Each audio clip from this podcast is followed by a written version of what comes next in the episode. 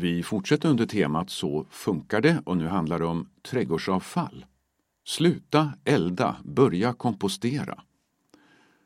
Två veckor om året är det tillåtet att elda grenar, kvistar och annat vedartat trädgårdsavfall på tomten så länge det inte stör och det inte finns risk för att elden sprids.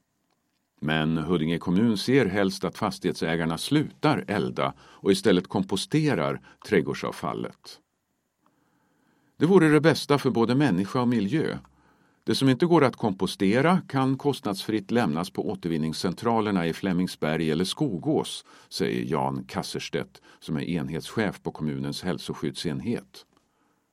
Vecka 16 och 42 är det tillåtet att elda trädgårdsavfall i Huddinge kommun.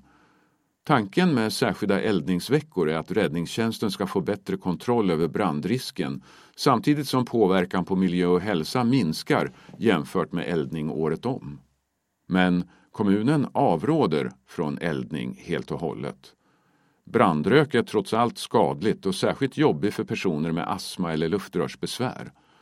Den som trots allt vill elda på tomten måste först försäkra sig om att elden inte stör grannarna, säger Jan Kasserstedt och berättar att kommunen varje år får in klagomål på störande brandrök.